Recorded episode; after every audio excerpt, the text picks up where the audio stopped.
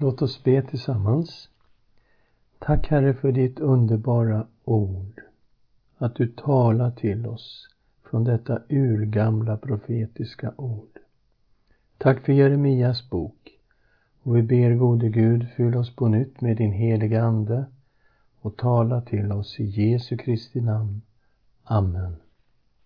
Ja, vi är nu framme vid det fjärde budskapet i Jeremias bok. Och vi har kallat det Folket hade brutit förbundet.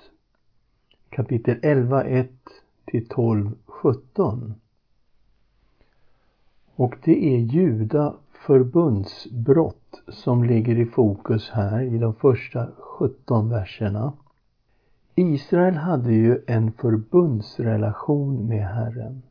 Och det här förbundet det var ju reglerat av lagen och var sammanfattat i de tio budorden. Förbundet hade villkor. Om Israel höll förbundet så skulle de få välsignelser. Men om de bröt förbundet och tillbad andra gudar, då skulle de möta förbannelser. Och när de hade intagit landet under Josuas tid, då skulle sex stammar stå på berget Gerizim och ropa ut de välsignelser som Gud lovat.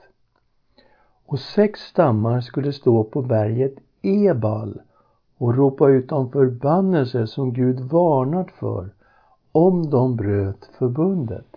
Och de här bergen, Gerizim och Ebal, de ligger ju vid staden Nablus som ligger på västbanken. Det är två berg, de ligger precis mitt emot varandra. Och nere i dalen ligger Nablus. Och skulle man stå på det ena berget och ropa, då skulle man höra det på det andra. Så det är väldigt bra akustik just där. Och vi ser de här befallningarna. Vi börjar i femte Mosebok kapitel 11, vers 26 till 29. Se, jag förelägger er idag välsignelse och förbannelse. Välsignelse om ni lyssnar till Herren, er Guds bud som jag idag ger er. Och förbannelse om ni inte lyssnar till Herren, er Guds bud utan viker av ifrån den väg jag befaller er att gå och följer andra gudar som ni inte känner. Och när Herren din Gud har låtit dig komma in i det land dit du går för att ta dig i besittning ska du utdela välsignelsen på berget Gerizim och förbannelsen på berget Ebal. Och sen är det här beskrivet i detalj i femte Mosebok kapitel 27 och 28. Vi ska läsa några verser där, kapitel 27, 11 till 13. På den dagen gav Mose folket denna befallning. När ni har gått över Jordan ska dessa stammar stå på berget Gerizim och välsigna folket. Simeon, Levi, Juda, Isaskar, Josef och Benjamin. Och dessa stammar ska stå och uttala förbannelsen på berget Ebal, Ruben, Gad, Asher, Sebelon, Dan och Naftali. Leviterna ska sedan ta till orda och med hög röst säga till alla i Israel. Och så listas då förbannelserna först och sen i kapitel 8 så listas välsignelserna. Och när vi kommer in i Josua bok så finner vi att de var där vid berget Gerizim och Ebal. Vi kommer till Josua 8, 33-35.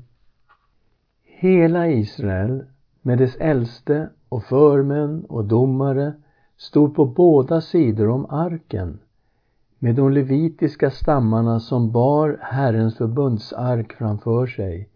Den ena hälften av folket både främlingar och infödda, stod vänd mot berget Gerizim och den andra hälften mot berget Ebal.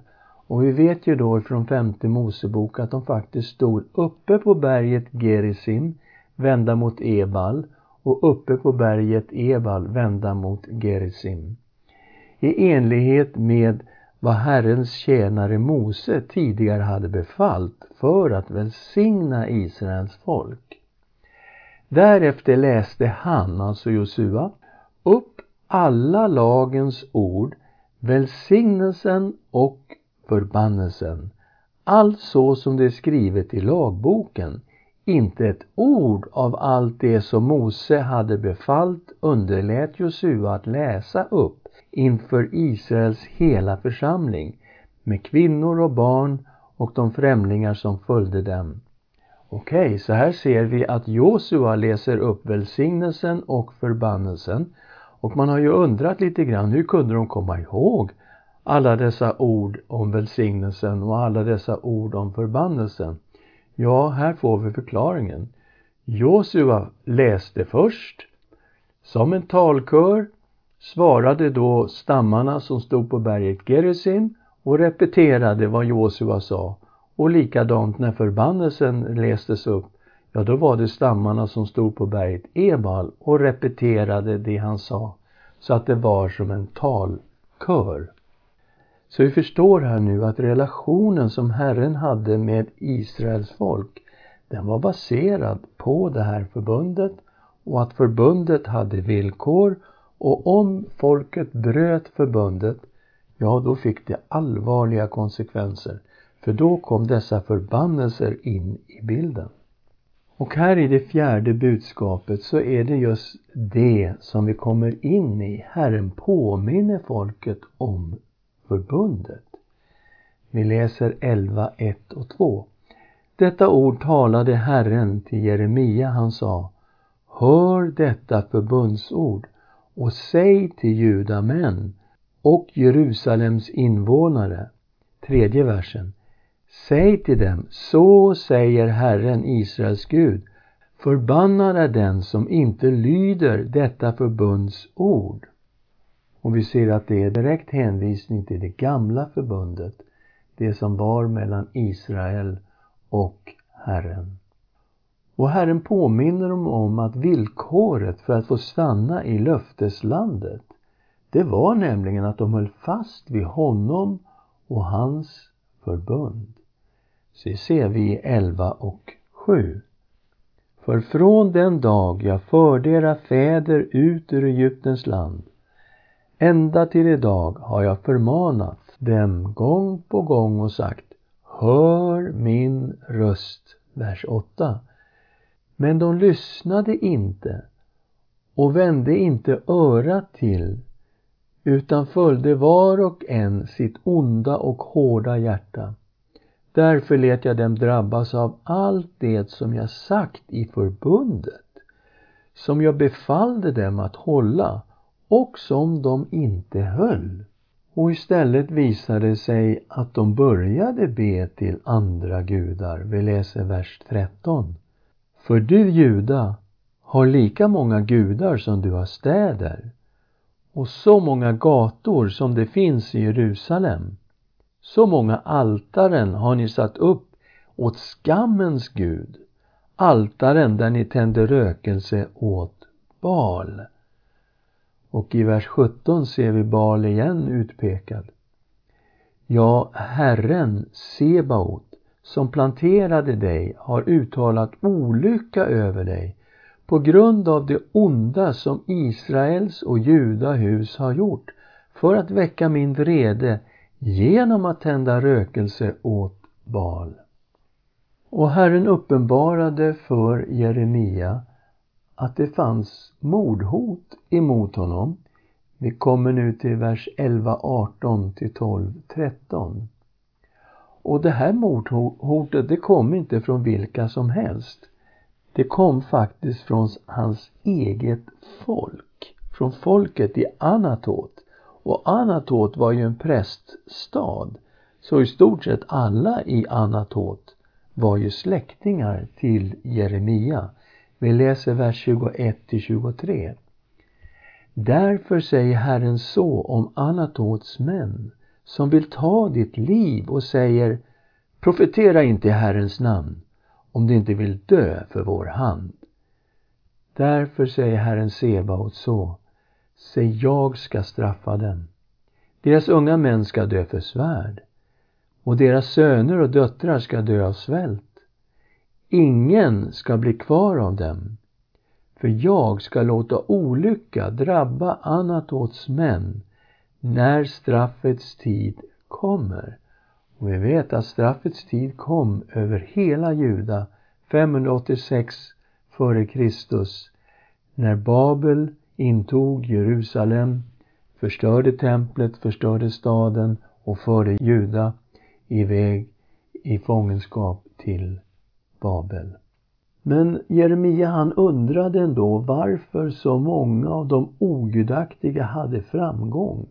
De levde i välmåga och lyx medan han själv hade så stora svårigheter och var förföljd. Vi tittar i kapitel 12, vers 1-4. Rättfärdig är du, Herre, när jag vill gå till rätta med dig. Ändå måste jag tala med dig om dina domslut. Varför lyckas de ogudaktiga så väl?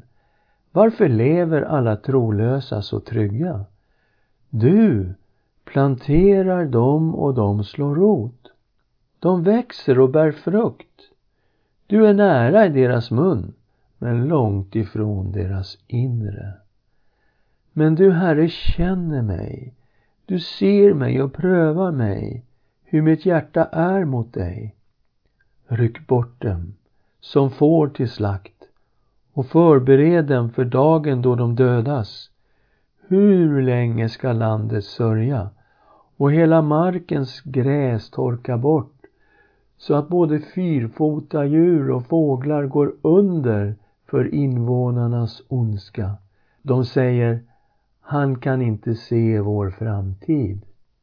Så när Jeremia profeterade om vad som ska hända i framtiden, då sa de, nej men Gud vet ingenting om framtiden. Han kan inte se framtiden. Och så kommer Guds svar och man blir lite undrande, förbryllad verkligen inför Guds svar. För Gud sa åt Jeremia att inte trötta ut sig med att strida nu, därför att den verkliga kampen, den låg framför. Vi ska titta på de här bilderna han tar fram i vers 5. Om du springer i kapp med fotfolk och de tröttar ut dig, hur ska du då kunna tävla med hästar? Du känner dig trygg i fredligt land. Men hur ska du klara dig i snåren vid Jordan? Jeremia, ta det lugnt. Den verkliga striden, den ligger framför. Och så fortsätter Gud och tala till Jeremia och han kommer att visa att han var i ungefär samma situation som Jeremia. Precis som Jeremias eget folk hade vänt sig mot Jeremia så hade judafolk vänt sig emot Herren. Vi läser i vers 6. Dina bröder och din fars hus är också trolösa mot dig. De ropar för full hals bakom din rygg. Lita inte på dem även om de talar vänligt med dig. Och det här är ju en direkt parallell för den situation som Jahve hade, som Herren hade. Vers 7. Jag har övergett mitt hus, lämnat mitt arv, gett min älskade i fiendens hand. Min arvedel blev som ett lejon i skogen mot mig. Hon höjde sin röst mot mig. Därför hatar jag henne.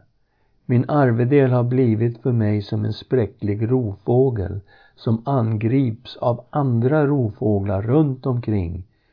Gå och samla markens djur. Låt dem komma för att äta. Så, precis som ditt folk Jeremia har vänt sig mot dig, på samma sätt har mitt folk vänt sig mot mig.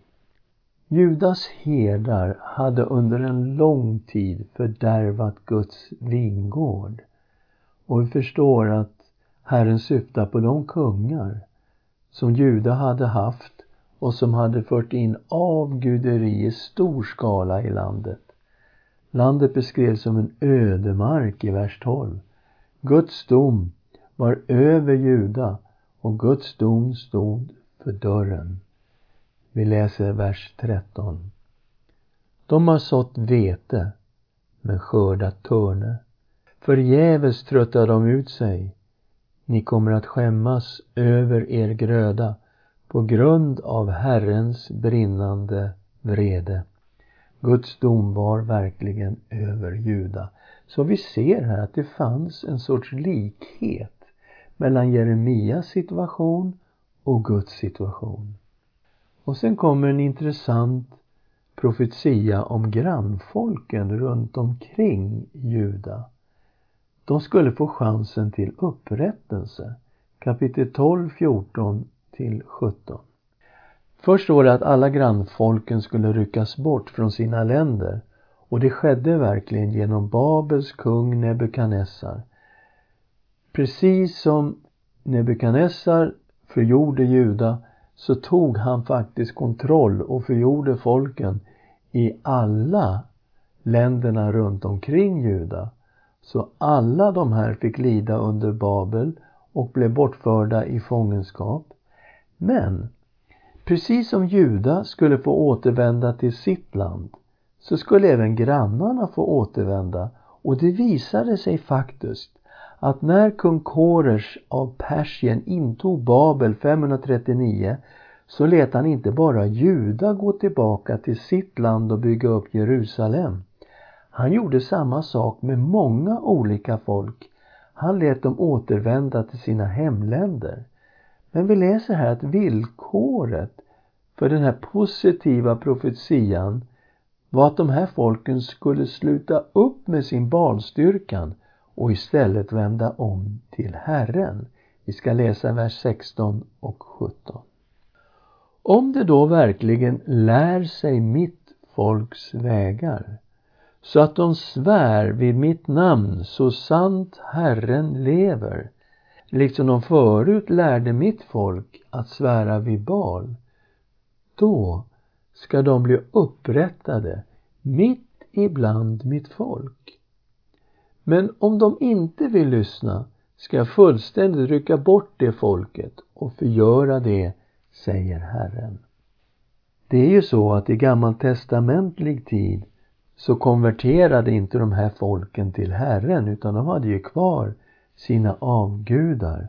Men när vi kommer in i Nya testamentet då vet vi att evangeliet om Jesus Kristus spreds tidigt bland just de här folken och att många församlingar grundades och då blev de upprättade mitt ibland Guds folk i det nya förbundet. De fick alltså uppleva frälsningen i Jesus Kristus. Det var slutet på det fjärde budskapet. Låt oss be tillsammans. Tack Herre för det förbund som du gjorde med Israels folk vid Sinai berg. Och vi ser att det här förbundet, det hade villkor. Och vi ser också att villkoren var att Israel måste hålla förbundet. Och de fick inte tillbe andra gudar. De fick inte ha några gudar alls vid sidan av dig. Och ändå bröt de mot just detta förbund. Och vi förstår att förbannelserna som var skrivet i själva förbundet, det kom över Israel och det kom över Juda och de måste gå i fångenskap till andra länder. Herre, vi tackar dig också för att du har underbara löften till det här folket, också i Jeremias bok. Men du har ju faktiskt löften också till grannfolken runt omkring. Och vi ser att de här löftena, de gick ju i uppfyllelse i dig, Jesus Kristus. Och att de här folken fick uppleva frälsningen i dig så att de blev upprättade mitt ibland ditt folk. Vi tackar dig för din stora vishet och ditt underbara verk. I Jesu Kristi namn. Amen.